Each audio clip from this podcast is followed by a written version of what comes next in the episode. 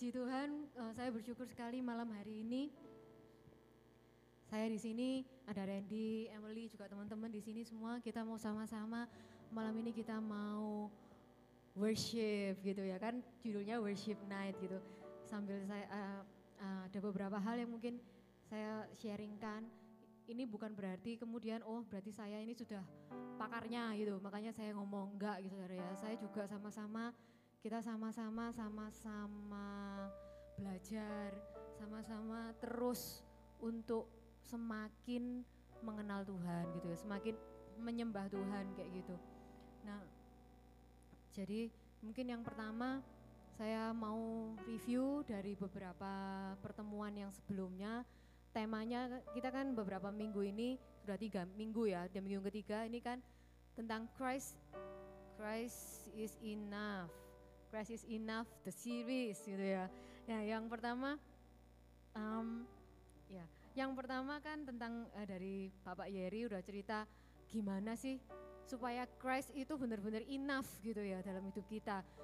Yang sudah dibahas juga sama suami saya minggu lalu juga uh, hmm, seperti Tuhan itu yang terutama kayak gitu ya, yang terutama gitu tartnya ini yang ceket ya kok ya tart dan cherry ini sekarang identik dengan Pak Yeri gitu ya mungkin nanti kalau ulang tahun kasih tart ada cherry-nya gitu nah ya Tuhan itu seperti tartnya gitu kemudian juga uh, gimana kita bisa menempatkan Tuhan Yesus sebagai yang terutama kalau kita nggak bisa enjoy gitu ya dengan Tuhan, tidak nggak merasakan sukacita gitu.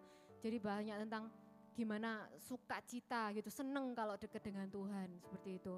Kemudian juga yang minggu lalu kan kita juga belajar dari Tuhan itu juga dari firmannya gitu ya, gimana kita bisa menikmati firman Tuhan itu despite Tuhan bicara lewat apa, lewat siapa, di mana gitu, tapi kita bisa uh, ada kerinduan gitu ya untuk mendengar suaranya Tuhan, untuk pengen tahu apa sih kerinduan hati Tuhan gitu ya. Apa sih yang Tuhan mau gitu dalam hidup saya gitu. Apa yang menjadi kesenangannya Tuhan. Itu kan yang Tuhan nyatakan gitu ya dalam firman-Nya. Nah, yang malam ini saudara kita pengen mendapatkan true satisfaction in worship kayak gitu ya dalam uh, penyembahan dalam doa kita gitu. Um, Apakah saudara sejauh ini, selama ini sudah bisa merasakan Tuhan dalam doa penyembahan saudara? Amin.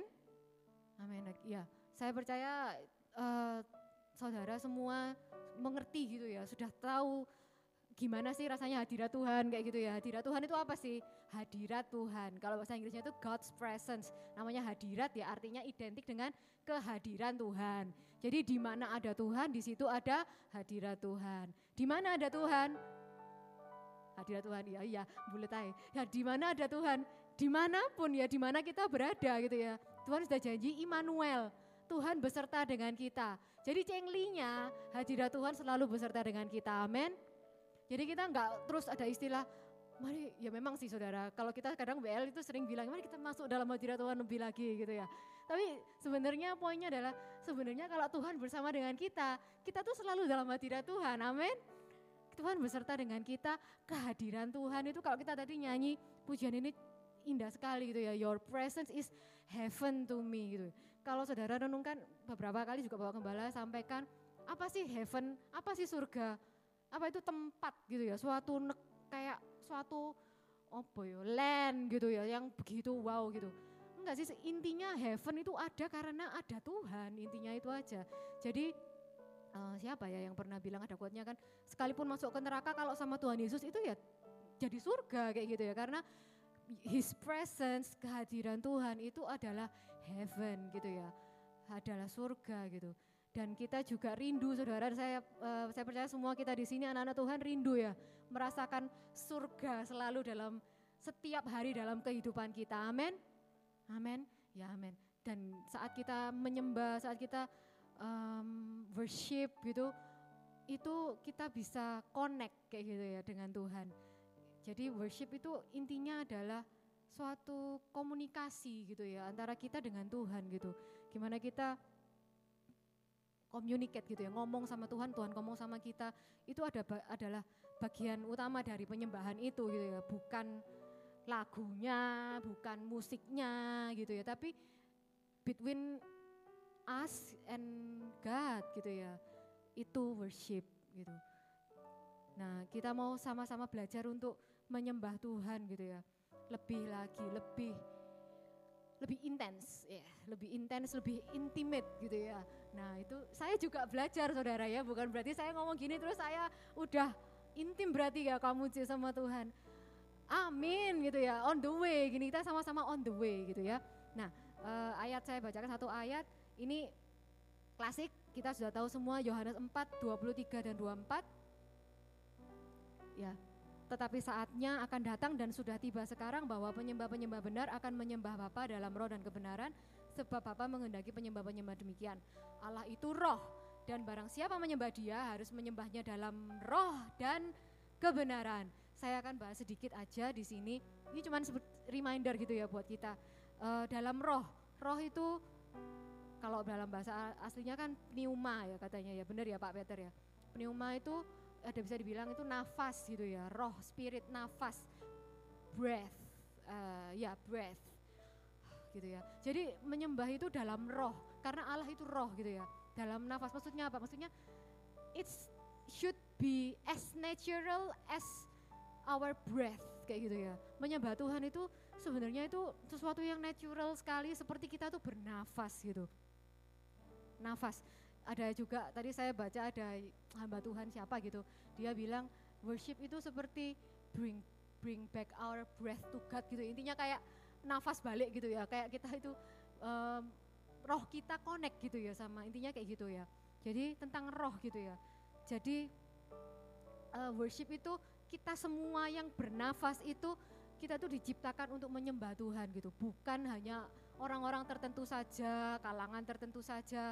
Oh mungkin yang bisa worship itu ya worshiper gitu. Nggak semuanya misalnya ya, ya memang Cici suka nyanyi ya makanya Cici bisa worship gitu.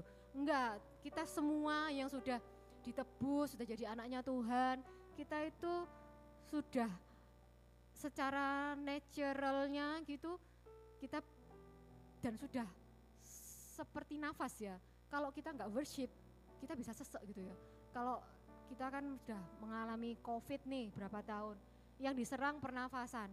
Saya jujur waktu itu sempat dredek ya karena uh, saya sempat ada sedikit trauma gitu ngelihat karena papa papa mertua saya dulu kan pernah gitu ya sesek nafas di mobil saya waktu itu di belakang ngelihat orang sesek nafas itu ampun saudara ya. Itu ceket gitu loh di dalam pikiran saya. Jadi kadang setelah itu saudara saya tuh sempat beberapa kali itu menghadapi seperti kayak serangan panic attack gitu ya semacam itu dengan trigger yang nggak jelas gitu ya dengan trigger yang tiba-tiba muncul dan itu bisa bikin saya tuh langsung kebayang itu dan bisa sesek gitu ya. Nafas itu kayak mateng kon kayak nafas gitu ya kayak gitu saudara. Ya padahal sebenarnya nggak ada apa-apa gitu ya. Nah itu kembali intinya nafas itu sesuatu yang penting gitu ya. Jadi kita menyembah Tuhan kita berkomunikasi dengan Tuhan connect dengan Tuhan itu sesuatu yang esensial dalam hidup kita gitu. Nggak bisa kalau enggak intinya seperti itu gitu ya. Jadi worship itu sesuatu yang esensial sesuatu yang natural bukan yang dibuat-buat atau dipaksakan seperti itu. Karena terpaksa ya wis lah doa ya wis lah nyembah Tuhan enggak bukan sesuatu yang seperti itu gitu ya dalam roh-roh kita itu saudara kalau ada kita sudah percaya Tuhan ya roh Tuhan di dalam kita amin roh ini itu connect saudara dan roh ini tuh bisa kerasa gitu ya kalau kita nggak connect sama rohnya Tuhan itu haus, bener gak? Bener ya? Bener Randy pernah kerasa seperti itu? Hmm. ya biasanya biar kita duduk di sini kan gak cuma saya ngomong gitu. Ya intinya seperti itu.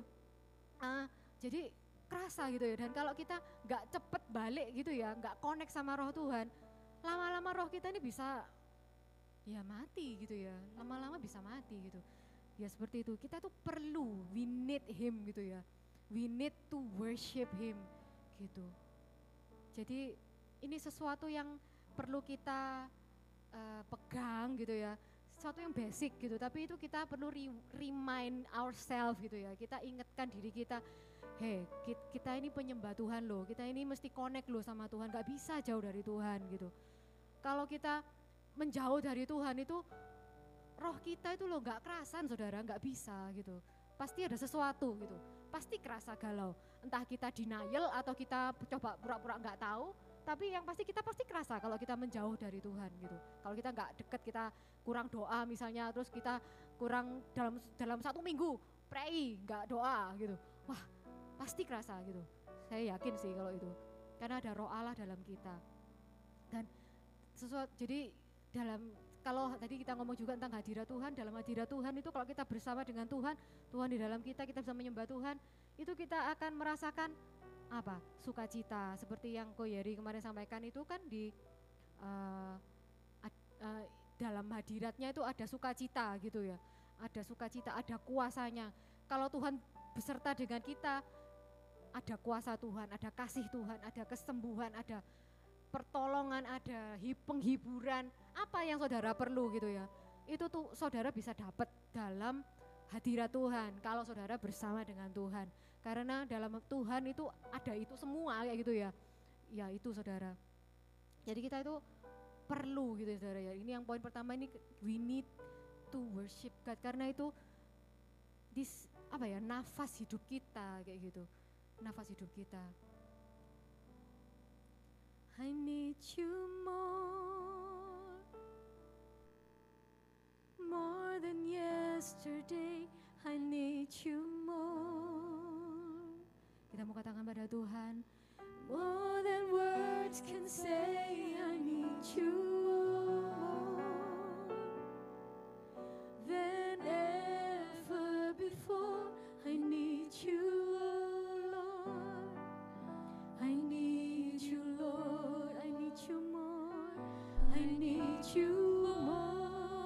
Kita mau sama-sama katakan pada Tuhan, Tuhan, I need you more and more. More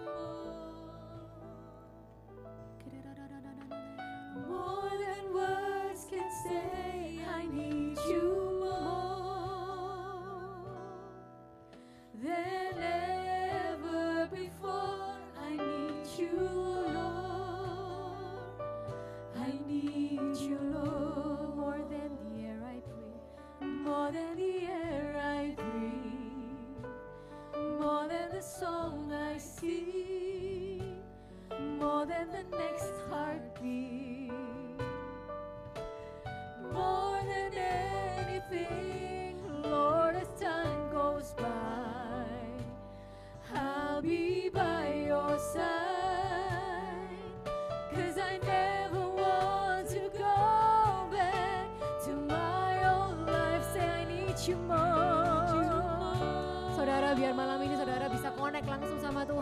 Katakan pada Tuhan lewat pujian ini.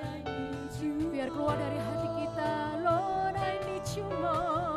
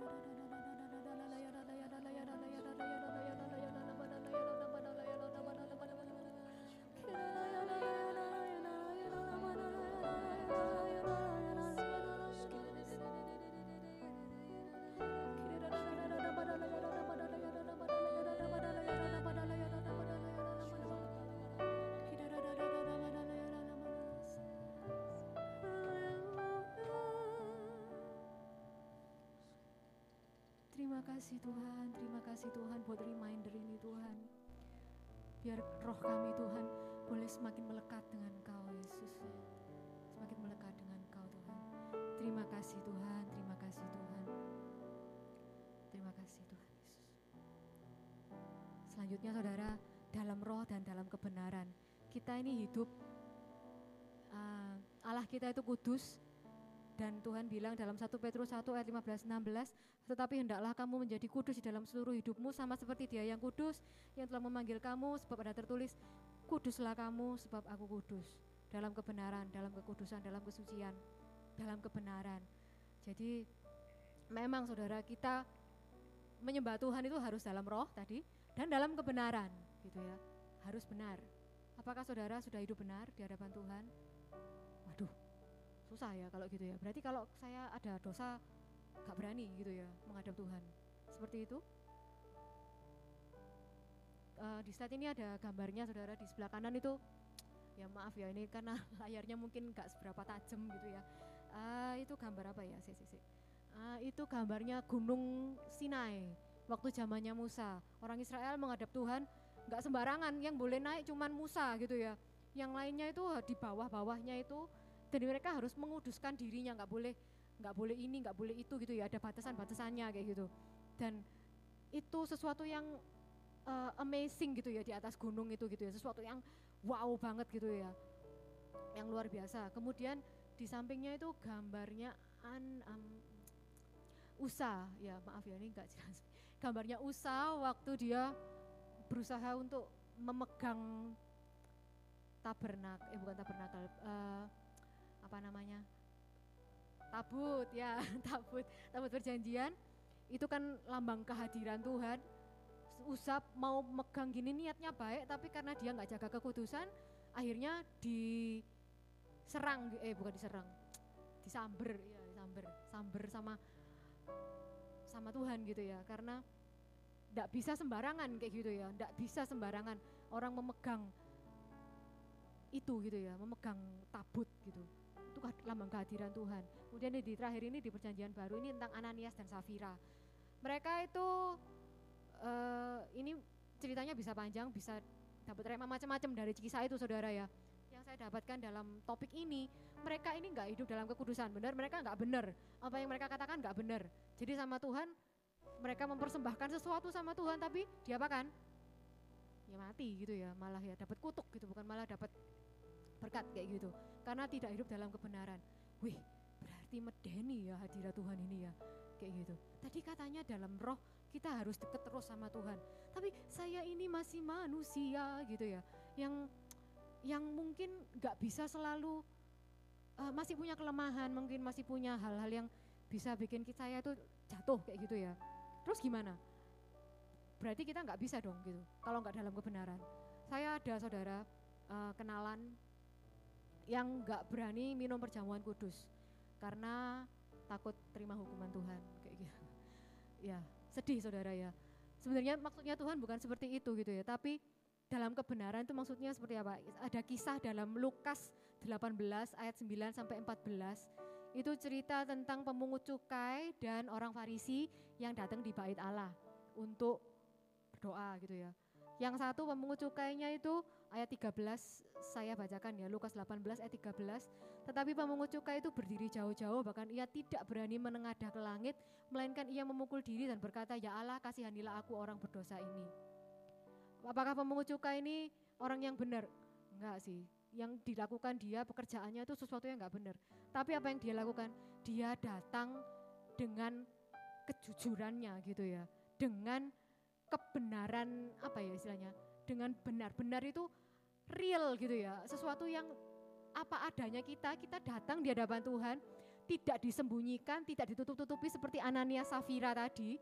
Mereka seperti orang Farisi ini, mereka seolah datang dengan kebenaran diri mereka, padahal Tuhan tahu apa yang ada, yang sesungguhnya kebenaran apa yang ada dalam hati mereka gitu ya. Nah, jadi kita datang itu nggak usah takut. Tuhan justru di sini pemungut cukai ini bukan orang yang dalam tanda kutip bukan orang yang suci kayak gitu ya. Seperti orang Farisi ini yang melakukan semua apa itu istilahnya liturgi dan sebagainya. Tapi dia datang as he was gitu. Jadi kita datang as you are gitu ya. Uh, jujur terbuka apa adanya di hadapan Tuhan datang gitu ya. Justru mendekat pada Tuhan, jangan justru ditipu, dibalikkan gitu ya sama sama si iblis gitu ya. Wis kamu tuh gak bisa, hidup benar gak bisa, wis percuma, gak usah datang pada Tuhan. Nah itu tambah dibalik saudara dibalik. Bukan seperti itu maksudnya Tuhan. Maksudnya Tuhan justru kita datang pada Tuhan dengan kebenaran. Tuh siapa sih yang membenarkan kita? Apakah kebenaran diri kita? Apakah kebaikan kita?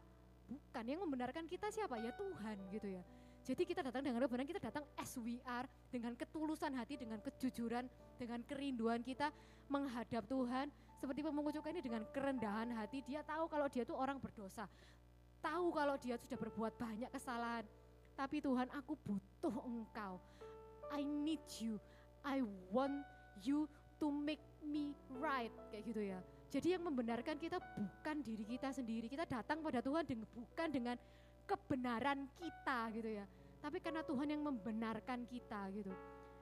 Kalau kita mau datang dengan ketulusan, dengan ke, kejujuran, dengan apa adanya gitu ya. Tuhan yang akan uh, membenarkan gitu ya dan akan membawa kita semakin dekat gitu sama Tuhan bukan berarti terus oh ya wis like gitu ya wis berbuat salah terus saya wong Tuhan baik ya enggak saudara itu kan jadi ini adalah momen-momen ya jangan kita terus diartikan semua dipukul rata seperti itu gitu ya ya bukan berarti Tuhan nggak ingin kita terus bertumbuh dalam kesucian dalam kebenaran gitu ya tapi intinya kalau misalnya kita melakukan sesuatu yang salah gitu ya jatuh mungkin atau apa, justru jangan menjauh dari Tuhan gitu. Tuhan itu kenal siapa kita yang paling dalam gitu ya. Siapa kita dan kita nggak usah takut gitu, kita nggak usah malu, nggak usah ragu kalau kita lagi sedih, kita lagi apa Tuhan itu tahu dan Tuhan itu uh, apa ya mau gitu ya untuk mendekat gitu, untuk untuk membawa kita lebih dekat dengan Dia gitu. Kita datang dengan mungkin mungkin kita dalam permasalahan, mungkin dalam kejengkelan mungkin ada benci mungkin uh, sudah tahap benci ini sama orang lihat orang tuh benci gitu aduh gak layak ini ya mestinya ngadep Tuhan tapi justru kita justru dalam kondisi itu kita tuh perlu gitu ya untuk mendekat pada Tuhan. Jangan justru menjauh malah nggak karu-karuan gitu jadinya. Justru kita mendekat pada Tuhan kita bawa pada Tuhan Tuhan aku lagi ini aku lagi galau aku lagi marah sama orang ini. Aku harus gimana? Kayak gitu ya. Just come as you are to him and let him speak to you gitu ya. Let him hug you let him hold you gitu ya kalau kita lagi lemah gitu biar Tuhan sendiri kita datang pada Tuhan Tuhan yang akan memberikan kekuatan pada kita. Amin.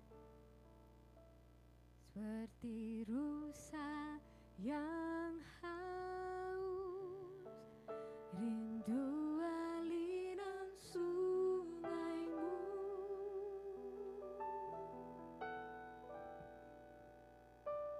hatiku tak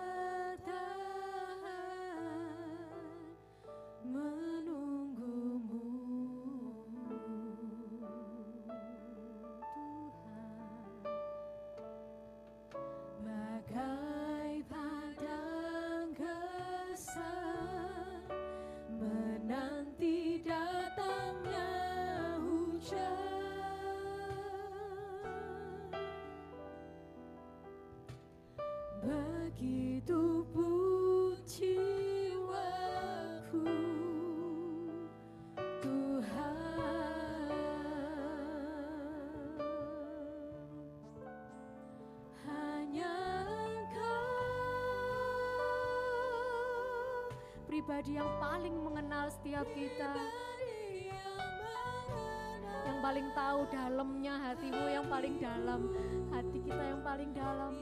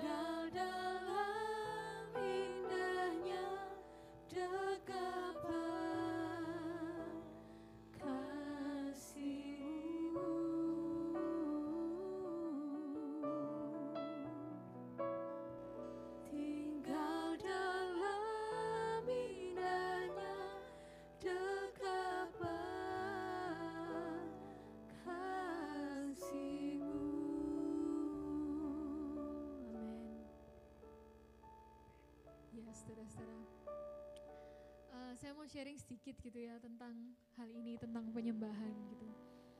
Uh, jadi ceritanya saya lagi perjalanan pulang dari Jakarta ya saudara-saudara.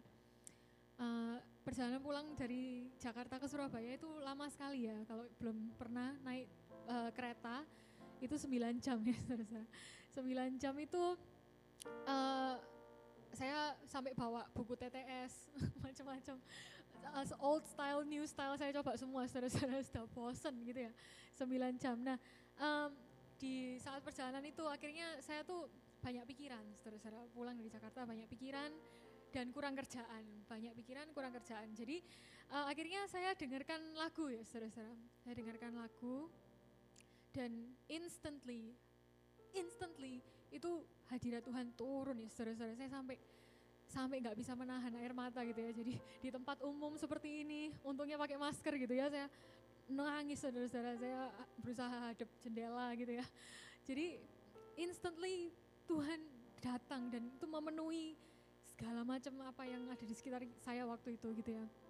Dan secepat itu gitu di dalam hati saya, saya ada disuruh buka Alkitab. Oke, okay, saya buka gitu ya. Uh, buka kitab Roma, kitab Roma. Lalu saya search temu. Dan saya menemukan ayat ini saudara-saudara.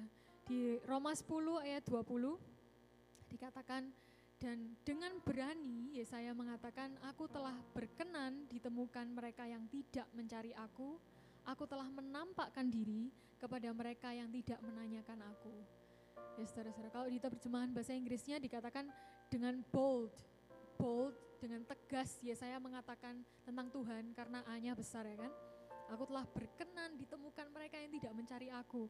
Aku telah menampakkan diri kepada mereka yang tidak menanyakan aku. Jadi Tuhan tuh rindu bertemu ya saudara-saudara. Di setiap kesempatan, di sedikit pun celah hati saudara, Tuhan tuh rindu ketemu. Kalau uh, semudah saya menemukan ayat itu ya saudara-saudara, buka Roma.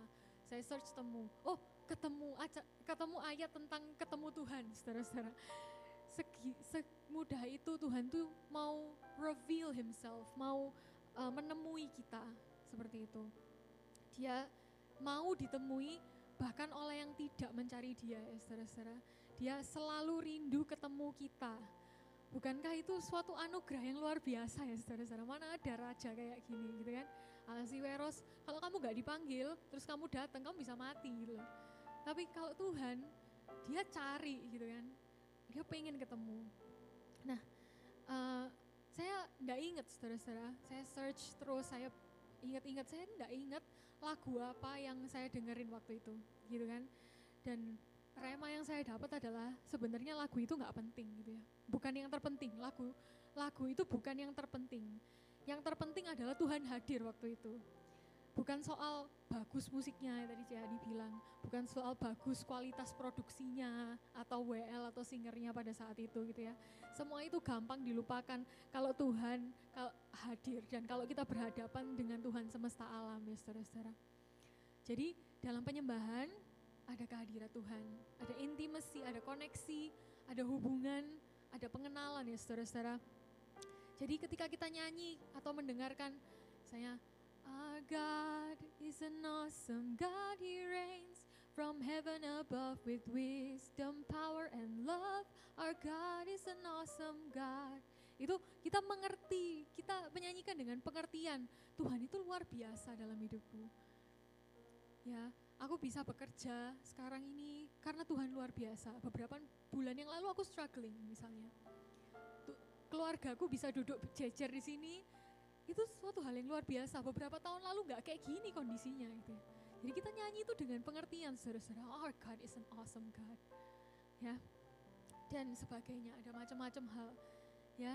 Jadi penyembahan itu bukan sekedar lagu ya saudara-saudara. Itu hubungan. Ya.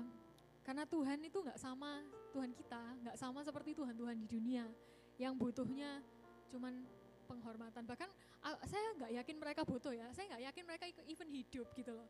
Ya, jadi karena Tuhan kita itu hidup dan dialah kasih. Dia rindu kita datang dengan penghormatan, dengan penyembahan yang penuh kasih, saudara-saudara. Ya, di Yohanes 4 ayat 23 yang tadi dibacakan Cehani gitu ya.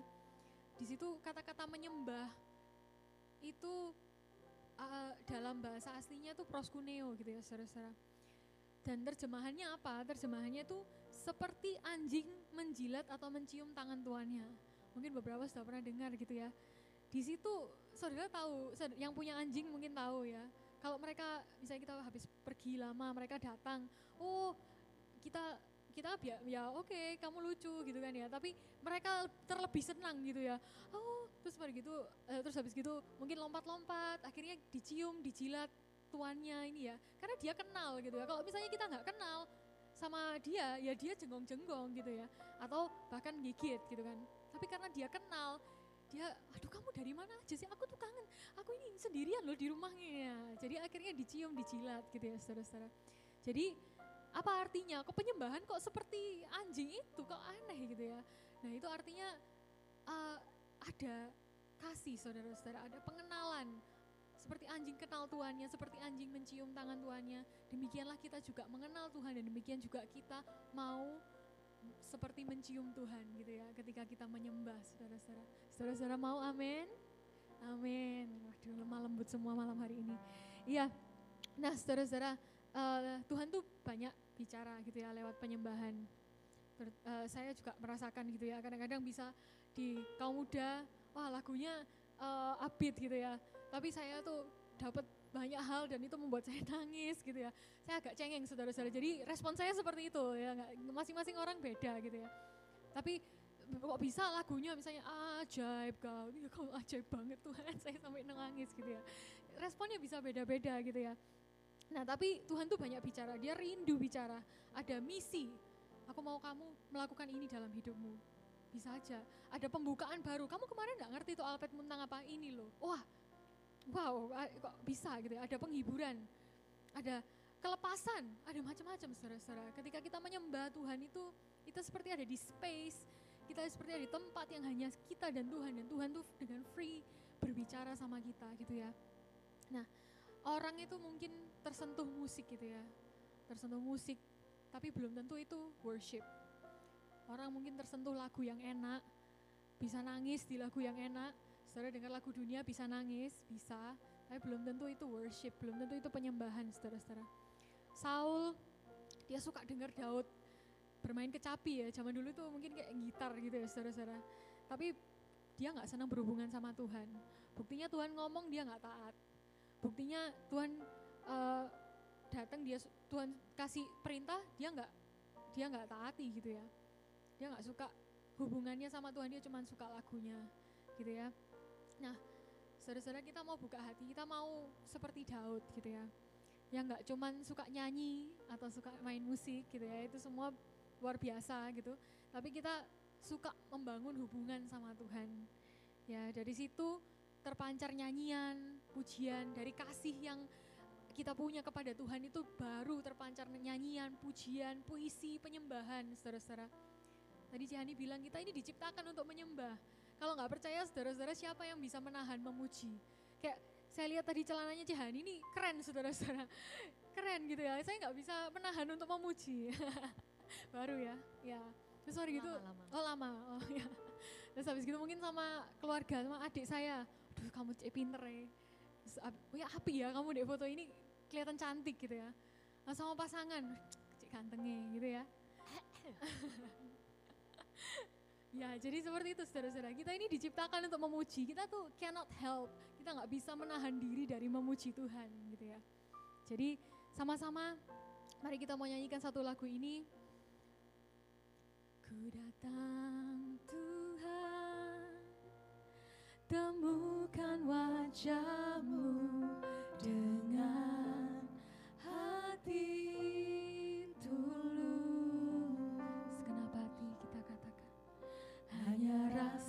cinta kepadamu yang menarikku dekat padamu.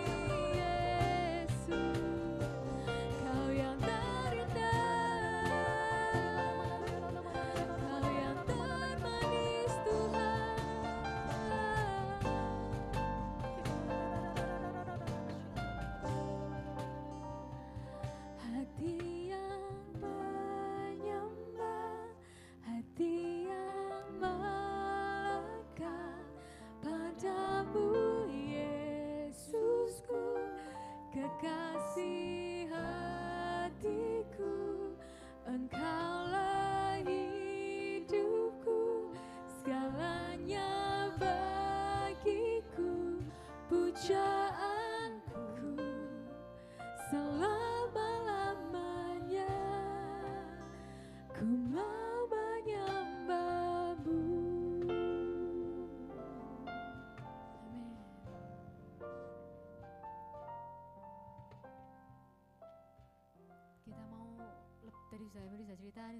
Koneksi hubungan.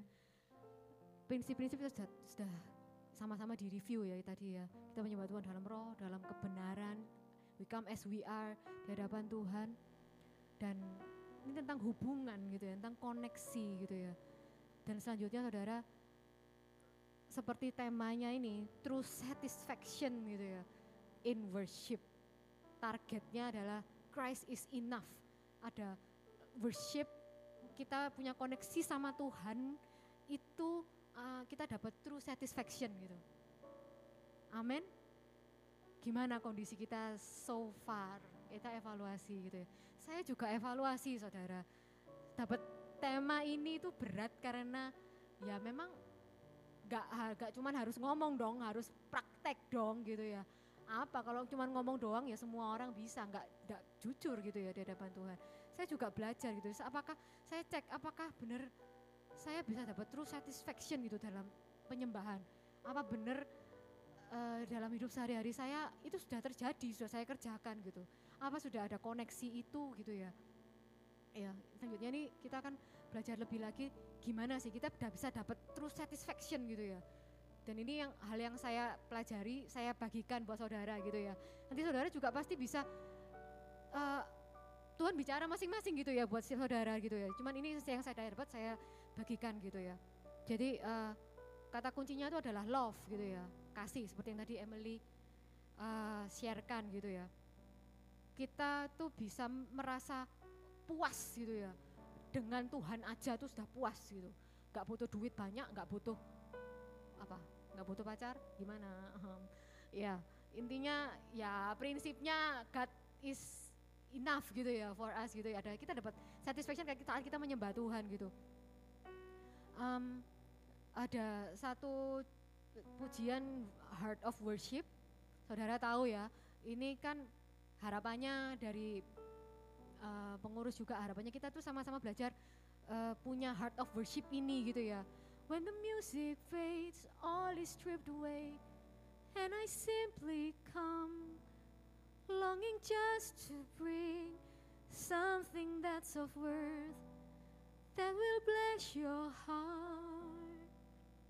I bring you more than the song, for the song in itself is not what you have required. Bukan lagunya yang Tuhan kepingin. You search much deeper within. Through the way things appear, you're looking into my heart. And then I'm coming back to the heart of worship when it's all about you. It's all about you, Jesus. I'm sorry, Lord, for the things I've made. when it's all about you, it's all about you, Jesus.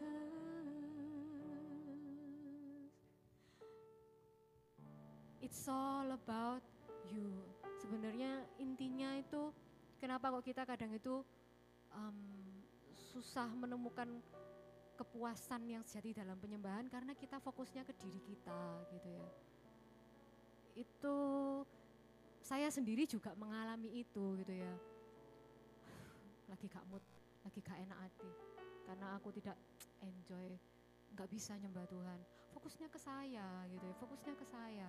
Dan saya ini manusia ini memang ya manusia gitu ya. Kita itu memang lihat luarnya gitu ya. Kita terpeng, gampang terpengaruh luarnya, kemasan, sikon yang ada itu dengan gampang mempengaruhi kita. Perasaan kita gampang dipengaruhi oleh sikon, betul? Dipengaruhi oleh orang-orang lain. Bisa mood ini bisa langsung zet, gitu ya. Gampang sekali. Nah kalau kita fokusnya ke kita, itu kita akan susah gitu ya mendapatkan true satisfaction in worship. Karena worship itu all about him gitu ya. All about Jesus gitu. Saat jadi saat kita menyembah Tuhan entah waktu ibadah gitu atau waktu kita di rumah kita memuji menyembah Tuhan sebenarnya koneksi itu ya itu kita belajar memfokuskan mensetel pikiran kita itu untuk uh, pandang Tuhan kayak gitu. Saudara ini ada satu klip ya, ini coba bisa diputar gitu.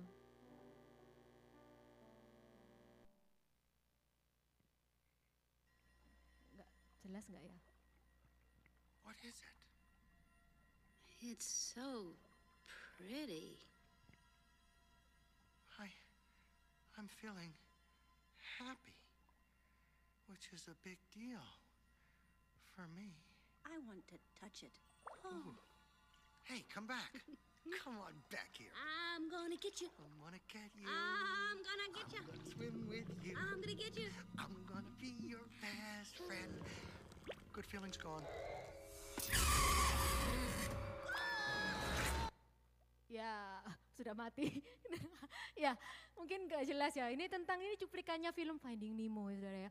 Saya ini suka Disney ya, maaf ya. Saya suka film kartun. Ya, eh, di tempat saudara ini kenapa kok tiba-tiba muncul Nemo di sini? Ini adegan waktu Nemo dan Dorinya lagi nyari anaknya. Si eh salah di kok Nemo dan Dori? Ya Marlin ya papanya yang nyari Nemo ya. Terus habis gitu dia di an- yang di dalam itu terus ketemu sama anglerfish. Tapi dia nggak tahu kalau itu anglerfish. Dia cuma lihat ada cahaya gitu. Terus dia apa ini kok bagus ya? Wow gitu. Terus dia ah, I'm feeling happy gitu ya. Sih perasaan itu dengan mudah terpengaruh gitu ya. Oleh sikon tuh gampang sekali terpengaruh gitu ya. Oleh musik tadi eh, Meli juga bilang musik itu bisa menyentuh jiwa. Iya memang saudara coba lihat itu konsernya BTS tuh lihat tuh. Gimana histerianya itu. Atau eh, saya juga sempat lihat eh, itu ada ada selebgram gitu. Dia datang ke konsernya Coldplay gitu. Sampai nangis nangis gitu ya sampai tak pikir ini ngapain toh ya kayak gitu. Musik itu bisa menyentuh, situasi sikon itu bisa menyentuh jiwa kita dan itu hati-hati saudara, jangan seperti ini gitu ya. Nah kenapa kok muncul ini? Karena Matt Redman, Matt Redman itu yang menciptakan lagu Heart of Worship itu, dia bilang, dia tuh uh, ingat ini gitu ya, kisahnya Nemo ini, dia itu bilang, dia di, di tahun 90-an sebelum menciptakan lagu ini, dia itu di bergereja, di suatu gereja yang secara uh, secara musik, secara kualitas production dan sebagainya itu worshipnya itu luar biasa. Mereka bikin banyak lagu yang memberkati banyak orang kayak gitu ya. Dan itu sesuatu yang jadi berkat gitu. Tapi Matt Redman ini dan gembalanya, pastornya itu merasa there is something gitu ya. Uh, there was a dynamic missing gitu ya. Ada sesuatu yang uh, hilang gitu. Jadi waktu itu pastornya memutuskan sesuatu yang uh, sesuatu yang ekstrim, dia uh, bilang udah kalau gitu sekarang kita stop ibadah di gereja gak usah pakai musik band. Nah, terus pakai opo? Akapela. Terus yang dinyanyikan tuh lagunya lagu himne, saudara. Saudara kalau saya bayangin mungkin kayak itu ya kidung jemaat itu ya kayak gitulah lagu-lagu himne kayak gitu. Pertamanya gimana jemaatnya? Kaget pasti.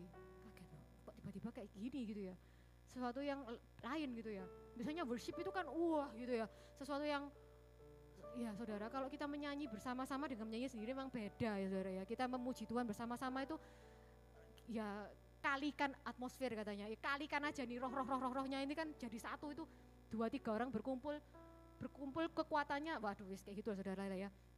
Lah waktu itu intinya dia bilang, nah kok seperti Nimo ini ya, kita itu ngerasa ada sesuatu yang kurang itu ya jadi distracted gitu ya, distracted oleh apa? Dia sendiri yang mengakui.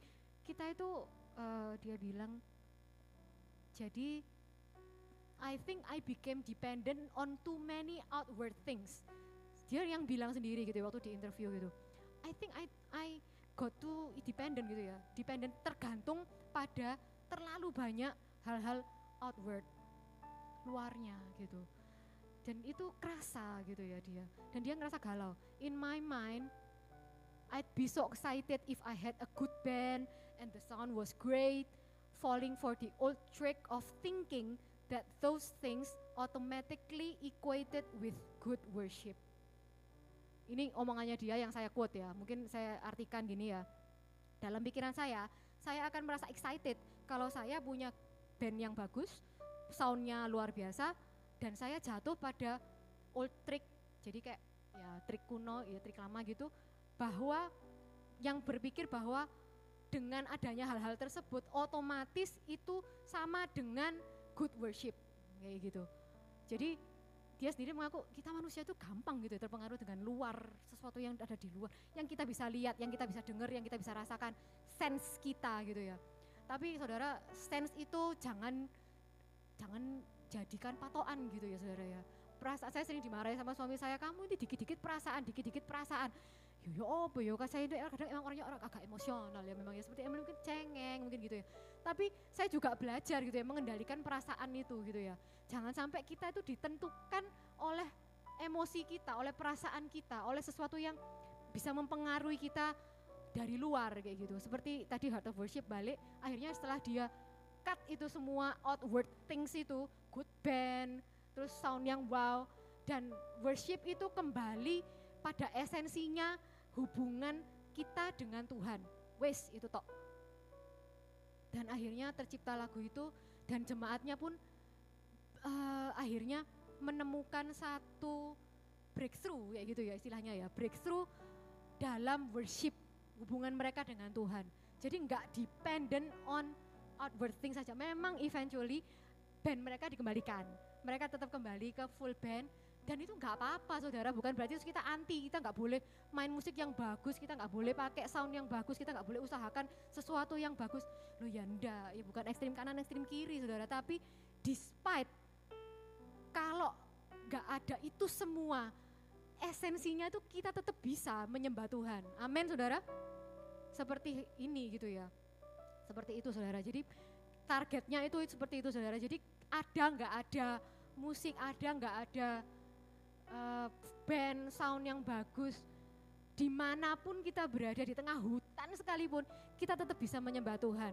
Seperti tadi Emily di kereta api tiba-tiba mengalami jamahan Tuhan kayak gitu ya, nggak terbatasi oleh apa pun dan jangan biarkan uh, pikiran kita, tindakan kita itu keputusan kita untuk kita mau menyembah Tuhan itu dipengaruhi di oleh karena sense kita itu tadi gitu. Karena pikiran kita karena sense kita gitu ya. Jangan oleh outward things itu. Jadi kita mau belajar seperti itu saudara. Jadi dan lo ya gampang gitu ya pikirnya. Masa gampang kayak gitu? Ya kita masih manusia. Jadi intinya gimana kok bisa seperti itu? Ya itu butuh proses saudara. Butuh proses. Enggak Tuhan enggak juga keping wis bret nek gitu kalau gitu tanpa musik tanpa apa pun kita bisa 100% menikmati mungkin gitu Tuhan nggak menuntut kita langsung seperti itu juga saudara. Yang penting adalah poinnya cinta kita itu bertumbuh. Cinta itu bertumbuh. Betul saudara? Siapa di sini yang sudah ber in relationship? Yang ini akan coming soon melangkah ini ya. Ya, cinta itu bertumbuh. Amin. Saya sama suami saya ini pacaran lama, tujuh setengah tahun. Terus sekarang menikah udah. 2000 2011 sekarang ya 11 tahun ya terlalu lama saudara ya. Ya tapi intinya cinta itu bertumbuh saudara. Waktu pertama pacaran kenal gitu ya. Ya ya sayang ya biasa. Tapi lama-lama sudah tahu kelemahannya pun ya tapi cinta itu bisa bertumbuh saudara. Kalau kita ada Tuhan dalam kita dalam keluarga kita kayak gitu ya. Intinya cinta itu bertumbuh dan itu bertumbuh itu tidak dengan pasif saudara cinta itu bertumbuh dengan kita ada effort gitu ya, ada usaha aktif gitu. Kalau kita mau menemukan true satisfaction in worship seperti targetnya tadi, kita benar-benar esensinya aku dan Tuhan sudah cukup. Untuk mencapai ke sana saudara itu butuh proses dan cinta itu ditumbuhkan, cinta pada Tuhan terus ditumbuhkan. Itu saudara harus ada tindakan aktif. Nah, saya mungkin di sini bagikan sedikit aja tips tips ya. Ya, yang pertama uh, cinta itu, wes kita ngomong cinta nih, karena cinta pada Tuhan harus ditumbuhkan. Yang pertama cinta itu adalah tentang pengorbanan. Waktu kemarin di PS di rumah saya ada satu saudara bilang cinta itu berkorban, buktinya adalah pengorbanan jelas. Tuhan Yesus berkorban itu cinta di kayu salib ya kan itu cinta bukti pengorbanan.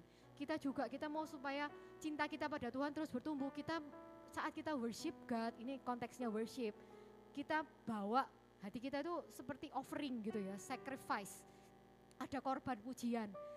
Jadi seperti Matt Redman tadi juga bilang, kita itu, dia sempat bilang waktu di interview, kita itu datang ibadah. Dia waktu itu dia bilang, sepertinya kita itu seperti consumer, konsumen, konsumen. Jadi kita tuh konsumen, kepengen mendapat, pengen dapat, pengen dapat, pengen dapat. Kita konsum, konsum, konsum. Padahal kita itu butuh ingat kita itu juga harus offer gitu ya kita pun harus offering gitu. Kita menyembah Tuhan itu offering, sacrifice kita di hadapan Tuhan kayak gitu. Jadi bukan hanya tentang kita, tapi tentang kita memberikan kepada Tuhan. Saat kita mungkin tadi seperti tadi, saat kita lagi galau, kita, kita lagi nggak mood menyembah, kita lagi males mesti nelapo, iki nyanyi mana gitu ya. Tapi kita mau matikan daging kita, kita korbankan perasaan kita, kita datang pada Tuhan. Itu itu korban, itu korban saat kita disakiti orang, kita males, aduh Tuhan aku nggak bisa gitu ya, mengampun kita nggak bisa menyembah engkau. Tapi kita mematikan itu, itu kita korbankan daging kita ini persembahkan gitu ya. Dan itu adalah satu hal yang hanya bisa kita lakukan di bumi saudara. Kita menyembah Tuhan nanti lanjut sampai surga. Tapi sacrifice of worship, korban penyembahan ini, offering ini hanya bisa kita kerjakan di dunia ini. Kenapa? Karena di surga kita nggak butuh korban apa-apa udah. Tapi di sini kita bisa mematikan daging, kita harus matikan, kita matikan emosi kita, kita matikan ego kita. Itu korban, itu kita bisa mempersembahkan pada Tuhan. Itu satu hal yang kita bisa kerjakan di sini dan kita mau kerjakan gitu ya. Itu tindakan aktif kita gitu. Sacrifice. Ini meskipun di Habakuk itu kan ya meskipun pohon Allah tidak meskipun kita nggak dapat berkat intinya seperti itu, tapi kita tetap bisa menyembah Tuhan. Nah, terus kemudian saudara, ini ada maaf ya saudara ya agak molor tapi saudara apakah di sini sudah capek menyembah Tuhan dan mendengarkan sharing saya? Mungkin saya bagikan sedikit ya setelah itu kita akan menyembah Tuhan sama-sama. Next slide ini ada gambarnya Yehezkiel saudara. Yehezkiel itu di Yehezkiel 47 jadi ini ceritanya dia dapat penglihatan gitu ya. Dia di pintu bait suci, kemudian em, jadi dia ada sungai. Nah, itu sungai sungai gambaran sungai kehidupan ya. Sungai sungai air air hidup gitu. Air hidup. Itu bisa saudara bi- bisa macam-macam dalam eh, pengertiannya firman Tuhan bisa macam-macam saudara ya rema yang didapat yang dalam konteks ini saudara saya dapatnya itu gini jadi waktu itu dia jalan di sungainya itu sebentar ya. Ini saya bacakan aja. Air itu mengalir dari bawah bagian samping kanan bait suci lalu nah, kemudian orang itu pergi dan mengukur seribu hasta menyuruh aku masuk dalam air itu maka dalamnya sampai di pergelangan kaki. Jadi Yeskiel masuk ke dalam sungainya itu airnya itu masih kecek-kecek di pergelangan kaki. Terus dia ukur lagi seribu hasta lagi. Terus dia masuk lagi. Kamu sana masuk lagi airnya naik. Masuk mana? Sampai lutut. Airnya sudah sampai lutut. Lagi jalan lagi seribu hasta lagi. Airnya sudah sampai pinggang. Lagi akhirnya seribu hasta lagi. Itu sungai sudah nggak bisa lagi di dia nggak bisa berdiri udah udah nggak bisa di dia nggak bisa jalan lah intinya. Sungai itu jadi eh, orang sehingga orang air sudah meninggi sehingga orang dapat berenang. Sungai yang tidak dapat diseberangi lagi. Yang saya dapat saudara dari sini ini adalah gambaran dari kalau kita itu hubungan kita sama Tuhan tuh harus terus dibangun cinta pada Tuhan harus terus dibangun. Ini seperti aliran air hidup itu kalau kita worship God mungkin awalnya kita merasa satisfaction yang kita terima mungkin kecek-kecek doang. Saat kita menyembah Tuhan saat kita disuruh doa itu mungkin kita rasanya biasa aja gitu ya. Ya biasa aja lah kecek-kecek lah dapat sukacita tapi ya sudahlah gitu. Teruskan saudara jangan berhenti jangan puas oh ya wis lah kecek-kecek atau berarti nyembah Tuhan ya kayak gini lah kurang lebih rasanya. Ya wis cukup lah gitu. Oke lah gitu. Enggak saudara. Teruskan teruskan gitu ya. Seribu hasta air itu akan terus naik saudara. Cinta itu ditumbuhkan. Kasih pada Tuhan worship kita hubungan kita sama Tuhan itu terus terus jalan sama Tuhan terus terus. Worship terus. Meskipun kadang kita merasa aduh biasa ya nggak dapat satisfaction ya apa. Teruskan gitu ya terus worship him gitu nanti itu akan terus naik naik naik. Sampai pada puncaknya saudara nanti kita akan terus nyambung sampai menyembah Tuhan tanpa batas dengan satisfaction tanpa batas saat kita ketemu Tuhan face to face di surga. Amin. Itu dibangun dari sekarang saudara. Dijalani dari sekarang. Jalani. Meskipun sekarang mungkin saudara ngerasa aduh biasa aja. Tapi satisfaction itu akan terus terus bertambah gitu ya. Caranya gimana? Ya dibangun setiap hari kita harus punya gimana hubungan itu dibangun dengan quality time pasti. Kita harus punya quality time dengan Tuhan setiap hari. Jadi nggak cuma nunggu satu minggu sekali di kebaktian kayak gitu kan. Tapi setiap hari kita bangun hubungan sama Tuhan lewat saat teduh kita. Kemarin kan kita harus baca firman Tuhan. Kita juga belajar. Kita harus spare gitu ya waktu. Ini juga saya bicara pada diri saya sendiri karena kadang saya sendiri juga banyak alasan gitu ya. Aduh wes repot Tuhan sibuk. Bangun pagi wes mesti ini ini ini ini centangnya banyak. Tapi kalau dibangun Tuhan pagi-pagi ayo bangun doa pagi. Oh iya wah ya doa pagi. Bangun saudara pas ya setengah enam tet. Eh kapan itu? Ya jam lima lima belas tuh ya doa pagi bareng. Bangun saudara. Tapi mari gitu aduh Tuhan ngantuk ya Tuhan ya apa ini? Wes bablas ya Tuhan kau baik? Bablas saudara. Mari gitu ya bangun habis gitu ya. Ya seperti itulah saudara manusia yang penuh kelemahan saya ini ya. Nah tapi saya nggak mau berhenti gitu ya. Saya tetap berjuang gitu ya mengalahkan ini kemalasan dan ke ya kengantuan inilah. Ya seperti itu. Intinya kita harus bangun itu quality time bersama Tuhan itu. Meskipun kadang kita ngerasa wes 10 menit doa. Anak saya yang kecil kan baru ya yang besar. Eden itu kan baru mau bergabung dalam pelayanan gitu ya. Jadi kan dikasihin sama kepala bidangnya itu musik itu Sharlin kasihin buku masa teduh disuruh cek centang. Ada doa baca Alkitab gitu kan. Doa berapa lama dia tanya sama saya mah ini doa kok dia hitung berapa menit sih? Soalnya apa? Soalnya biasanya dia juga bukan yang penyembah Tuhan doa berapa lama. Mau dia hitung piro menit mah doanya ini tulis berapa menit? Bingung dia gitu. Jadi memang ya memang karena enggak semua saudara dalam posisi saudara masing-masing di mana posisi saudara nggak usah minder gitu ya nggak usah takut nggak usah waduh aku ini memang nggak bisa ya nyembah Tuhan ya lima menit jedok wes ngantuk eh lanjutin saudara nggak apa-apa kerjakan aja gitu ya. Rutin is good rutin is good. Karena rutin itu akan jadi habit habit itu kan jadi ke, uh, jadi apa ya nanti akan mendaging mendarah daging buat kita gitu. Apalagi di janji firman Tuhan seperti sungai itu ya kita akan terus akan semakin dalam dalam ini gitu ya dalam dalam hadirat Tuhan kepuasan itu akan terus semakin dalam kayak gitu. Jadi seperti itu saudara. Jadi kita juga waktu itu juga tips praktisnya buang distractionnya. Kalau tadi seperti Nemo tadi kan dia distract oleh lampu itu gitu ya. Akhirnya ke distract gitu. Nah buang distraction distraction kita apa? Misalnya handphone ini jadi distraction kita ya taruh dulu gitu ya. Nggak usah dipegang dulu paksa deh. Oke okay, stay away gitu ya. Saya mau nyembah Tuhan dulu gitu. Make time gitu make quality time gitu every day. Pentingnya doa bilik kayak gitu ya. Ini penting gitu. Oke? okay? Dan itu kita mau kerjakan uh, daily gitu ya. Mungkin tips juga mungkin saudara aduh tapi apa ya? Ya ada cece bisa nyanyi sama main musik enak gitu ya. Mungkin kayak seperti tadi mungkin bisa itu helpful gitu ya. Dan itu bagus. Seperti Daud juga dia main menyembah Tuhan pakai kecapi lah aku ini gak bisa nyanyi suara fals nggak ada alat musik. Saya kasih tips itu ini nggak dosa saudara ya.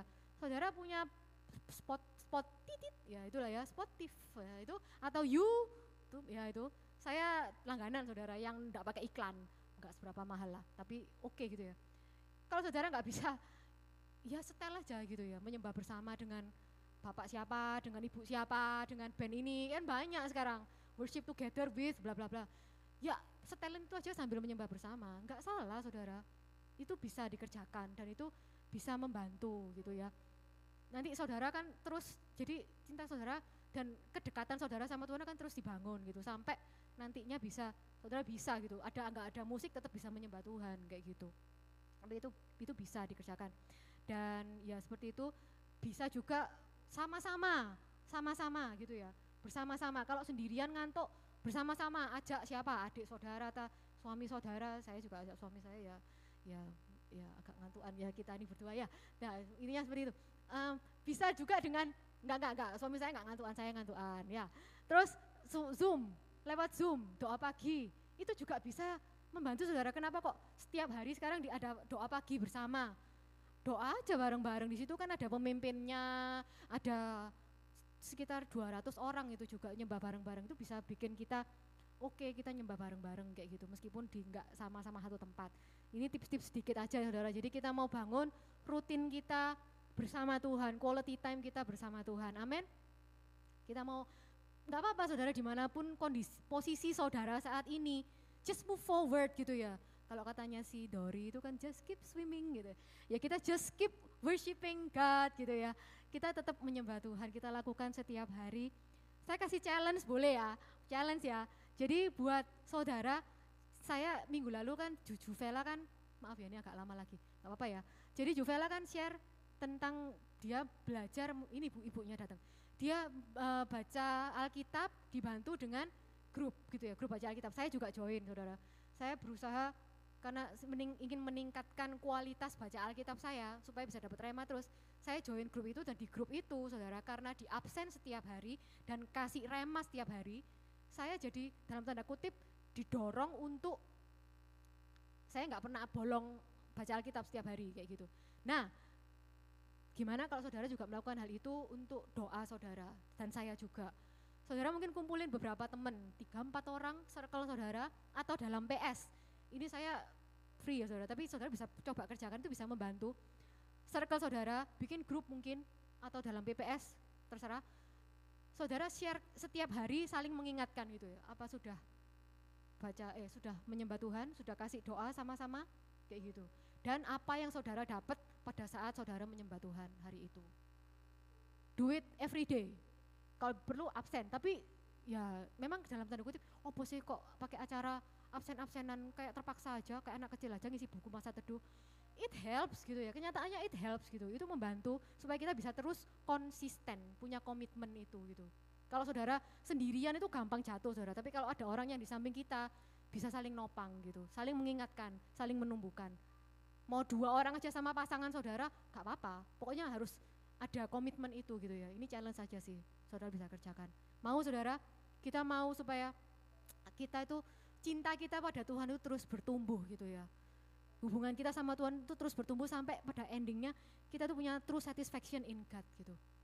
Ada satu klip saudara terakhir, mungkin sepintas saja.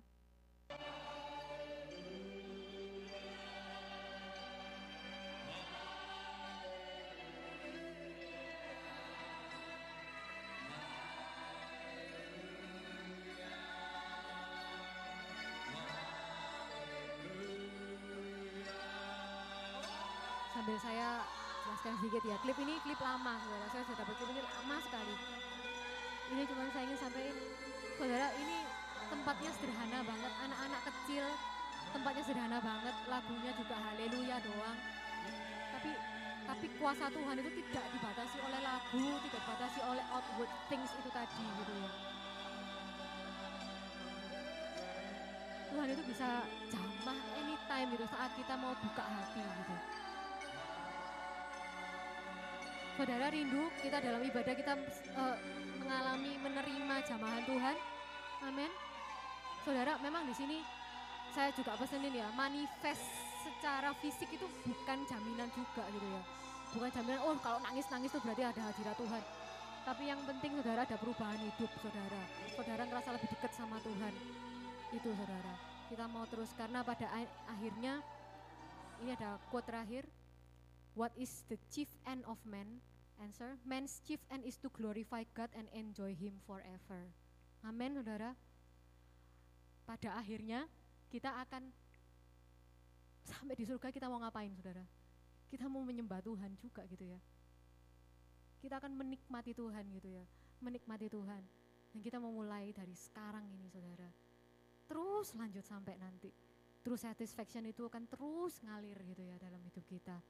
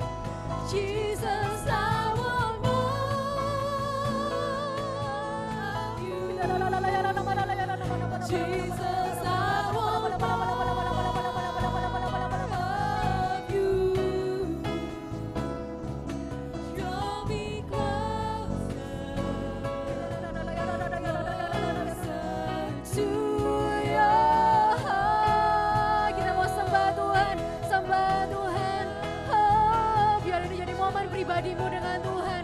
Katakan pada Tuhan isi hatimu apa adanya datang kehadirannya, datang kehadapannya. Kini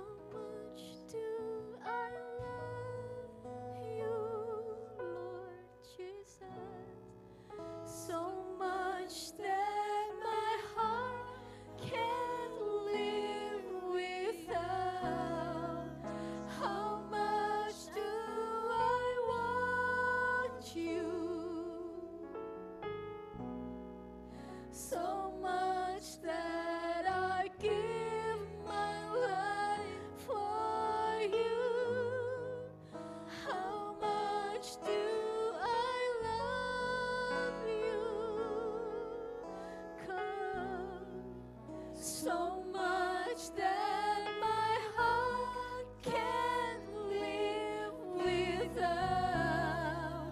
How much do I want you? Oh, so.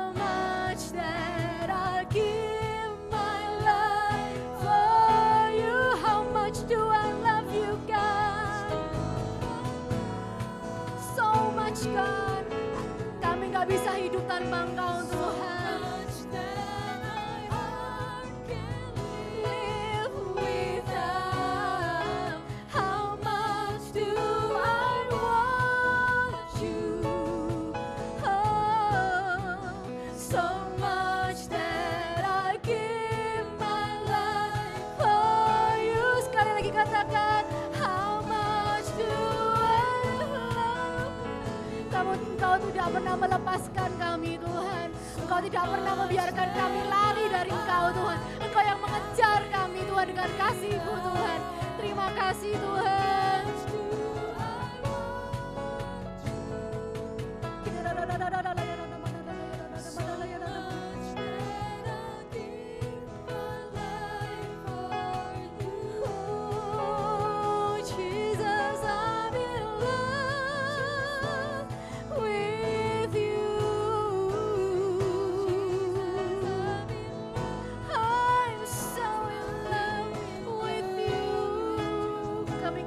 Hidup tanpa Engkau Tuhan. Bahwa kami lebih dalam lagi Tuhan dalam kasih-Mu, dalam hadirat-Mu Tuhan.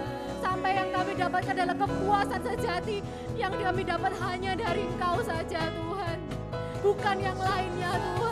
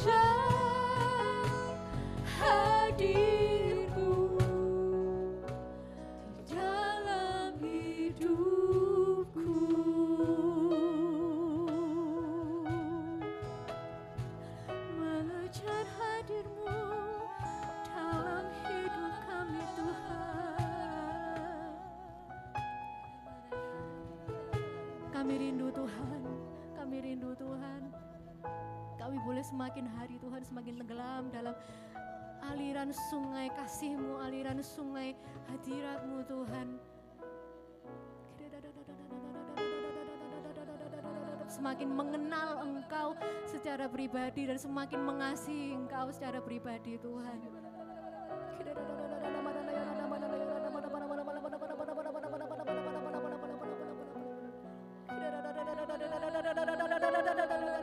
Karena Engkau Allah yang hidup Tuhan, Engkau pribadi yang hidup, yang nyata Tuhan, yang mengasihi kami Tuhan.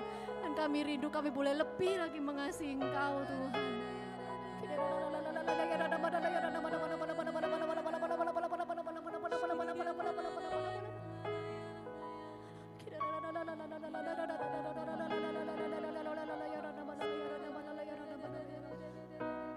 Terima kasih Tuhan, terima kasih Tuhan buat kehadiranmu Tuhan di tengah-tengah kami Tuhan malam hari ini Tuhan. Dan kami percaya Tuhan, Immanuel, Engkau Allah yang terus beserta dengan kami. Engkau yang hadir di tengah-tengah daily life kami Tuhan, hari demi hari hidup kami Tuhan. Tuhan Kau yang beserta kami Tuhan. Hadiratmu Tuhan, urapanmu Tuhan yang senantiasa menyertai setiap langkah hidup kami Tuhan. Kami rindu Tuhan, biar Engkau yang bawa kami semakin hari semakin dalam lagi Tuhan, dalam pengenalan kami, kasih kami pada Engkau Tuhan. Sehingga pada akhirnya Tuhan kami bisa menemukan kepuasan yang sejati itu Tuhan di dalam Engkau saja Tuhan Yesus. Terima kasih Tuhan, terima kasih Tuhan. Terima kasih buat kasih-Mu, terima kasih Tuhan buat lawatanmu Tuhan. Kami percaya Tuhan Kau yang terus berkarya, Kau yang terus berbicara Tuhan buat setiap kami Tuhan. Terima kasih Tuhan Yesus, kami sungguh bersyukur Tuhan. Terima kasih Tuhan Yesus, terima kasih Tuhan Yesus. Dan kalau sebentar kami akan pulang Tuhan, kami menerima berkat dari Engkau Tuhan, kasih dari Allah Bapa, anugerah dari Tuhan Yesus Kristus, persekutuan, urapan, pimpinan hikmat roh kudus yang senantiasa menyertai langkah kami. Hari demi hari sampai nanti kami bisa bertemu dengan engkau Tuhan face to face Tuhan. Amin Tuhan Yesus. Terima kasih Tuhan Yesus. Mari semua yang rindu berjalan bersama dengan Tuhan lebih lagi mengasihi Tuhan semua sama-sama katakan amin.